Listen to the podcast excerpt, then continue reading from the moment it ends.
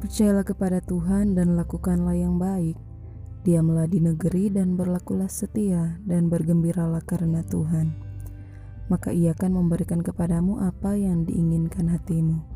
Serahkanlah hidupmu kepada Tuhan dan percayalah kepadanya dan ia akan bertindak ia akan memunculkan kebenaranmu seperti terang dan hakmu seperti siang. Terima kasih telah mendengarkan podcast Mazmur dari House of Prayer. God bless you all.